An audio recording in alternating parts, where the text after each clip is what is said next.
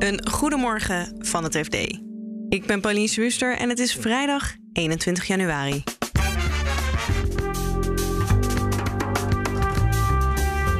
Euronext heeft zijn systeem aangepast om handel met voorkennis te voorkomen.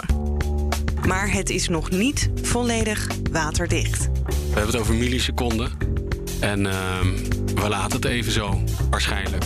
En in de strijd om dominantie in de metaverse verliest Europa het van Amerika en Azië. Maar ja, als je het vanuit Europees perspectief bekijkt, is dat een beetje jammer. Weer de boot gemist.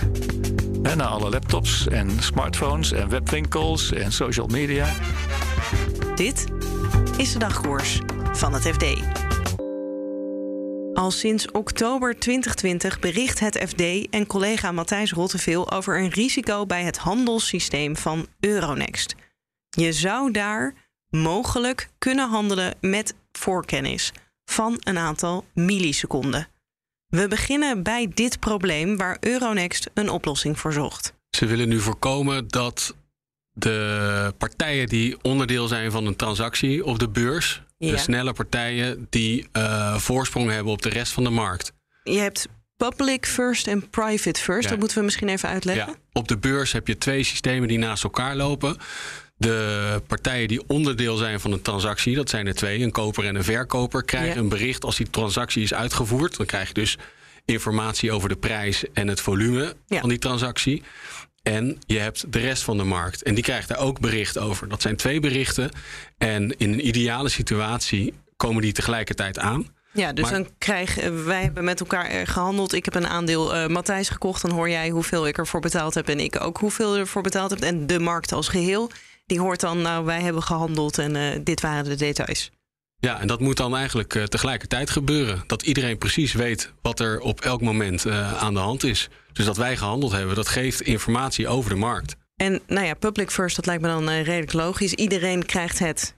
Tegelijkertijd. Tegelijkertijd? Ja, Maar soms is het private first. En dan hebben, kan iemand er tussen springen? Is dat nee, het? alleen jij en ik. Ja, wij kunnen er tussen Wij springen. allebei krijgen hem. En wat gaan we dan doen met die informatie?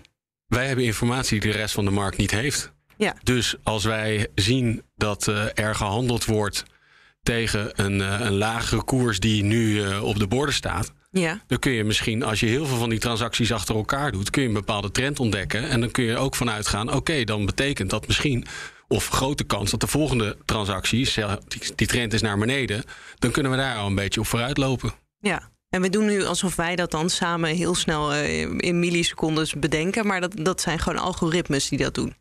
Ja, dat gaat automatisch. Je kunt eh, in millisecondes kun je hartstikke veel eh, deals doen. En die worden van tevoren geprogrammeerd. En er wordt gemeten waar het heen gaat. En dan ga je vooruitlopen op een bepaalde trend die je door die voorsprong misschien wel ziet, die anderen nog niet zien. Ja, in de eerste situatie was bij 80% van de transacties... eh, wisten wij het net wat eerder dan het publiek en nu nog maar 15. Ja, de schattingen verschillen een beetje eh, tussen de 25 en 15 procent. Ja. Maar dat is nog niet volledig. Waar- waarom is dat zo lastig? Waarom kunnen ze niet gewoon helemaal gelijk bij iedereen die informatie krijgen? Het eh, zou in theorie natuurlijk mogelijk moeten zijn. Het is ook mogelijk, want Deutsche Börse doet het bijvoorbeeld wel. Concurrent van Euronext. Het is ook een kwestie van eh, hoeveel geld eh, wil je erin steken. Vind je het heel belangrijk? Of vind je het eh, belangrijk genoeg als het grootste percentage van de, van de deals, van de transacties... tegelijkertijd aan iedereen bekend wordt gemaakt? Nou, blijkbaar vinden ze dit dus genoeg. Of hebben ze dat niet gezegd? Ja, ze vinden het genoeg. ja. Ja.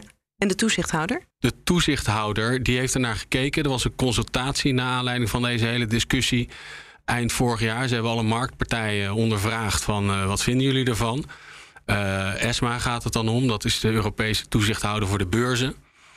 En die zeggen... ehm, de meerderheid van de marktpartijen is voor het model waarbij iedereen alles tegelijkertijd krijgt. Het zogenaamde public first. Ja.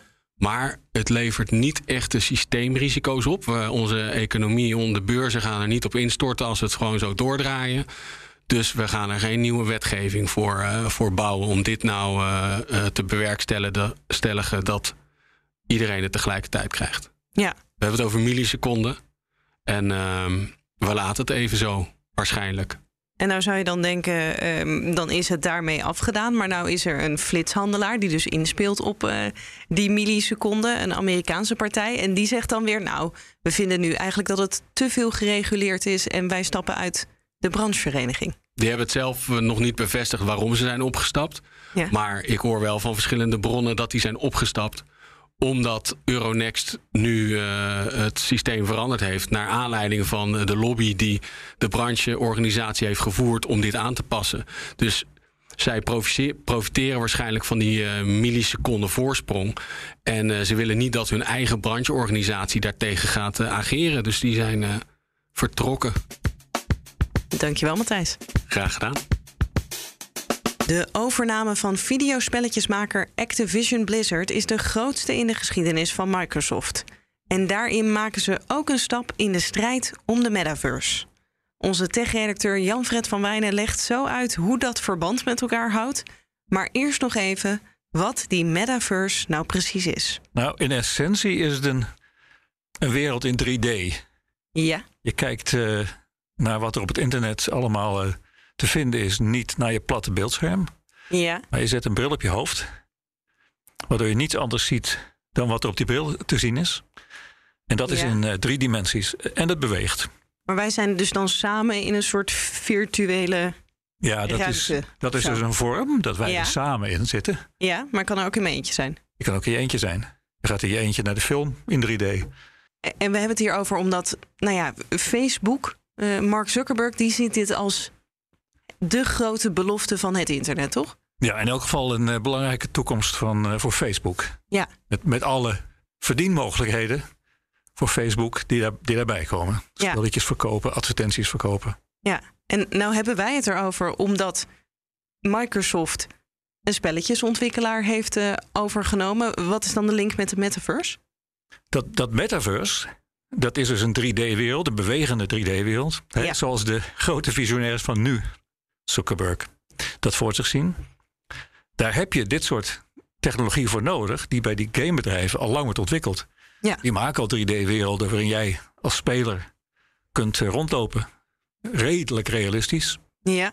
Weliswaar nog een, een gecontroleerde wereld van het spel. Het is al ontworpen. Uh, straks in de visie van Zuckerberg gaat er veel meer uh, onverwachts gebeuren. Maar om daar te komen hebben we dit soort bedrijven nodig. Dit soort bedrijven moeten de, de, de ervaring ontwerpen. Moeten zorgen dat jij echt kan rondlopen daar, dat je dingen ziet, dat die dingen ook op jou kunnen reageren, zoals in een computerspel. En nou heeft uh, deze overname ook weer veel invloed op Sony. want die missen hiermee een beetje de boot. Maar nou hebben we dan Microsoft, Sony, Activision Blizzard. Um, ik hoor er geen Europese namen tussen. Dat is een, uh, ja, als je het vanuit Europees perspectief bekijkt, is dat een beetje jammer. Ja. Weer de boot gemist. He, na alle laptops en smartphones en webwinkels en social media. Weer een trend waar uh, Europa nou ja, moet hopen dat ze het van iets anders zal hebben. Hebben we dan helemaal geen Europese spelers in de metaverse of eromheen? Nou, er, zijn, er zijn veel bedrijfjes, bedrijfjes beginnende techbedrijven, uh, die diensten leveren op, ja. op virtueel gebied. Dat je bijvoorbeeld nou, vergaderingen kan doen met elkaar. Dat die, daar zijn grote Amerikaanse bedrijven, ook kleine Nederlandse bedrijven. Maar, maar, grote... maar dat zijn dus diensten die ja. dan worden geleverd op de infrastructuur van dat grote virtuele internet. Ja. Dat, dat echt van grotere partijen gaat komen en niet Europese. En waar liggen dan nog wel kansen voor Europese spelers? Is dat dan alleen op die dienstenkant? Of? Het zal die, die dienstenkant zijn, zoals het nu ook gebeurt op, op, uh, op internet. Ja. En er zijn ook uh, best grote uh, Europese uh, webbedrijven, webwinkels, supermarkten, allerlei online diensten die door grote Europese spelers worden geleverd, ook wereldwijd.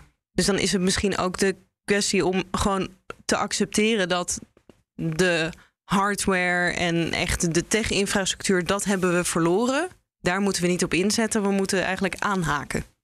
Sommige dingen moet je accepteren. Ja. En van Facebook ga je het niet winnen.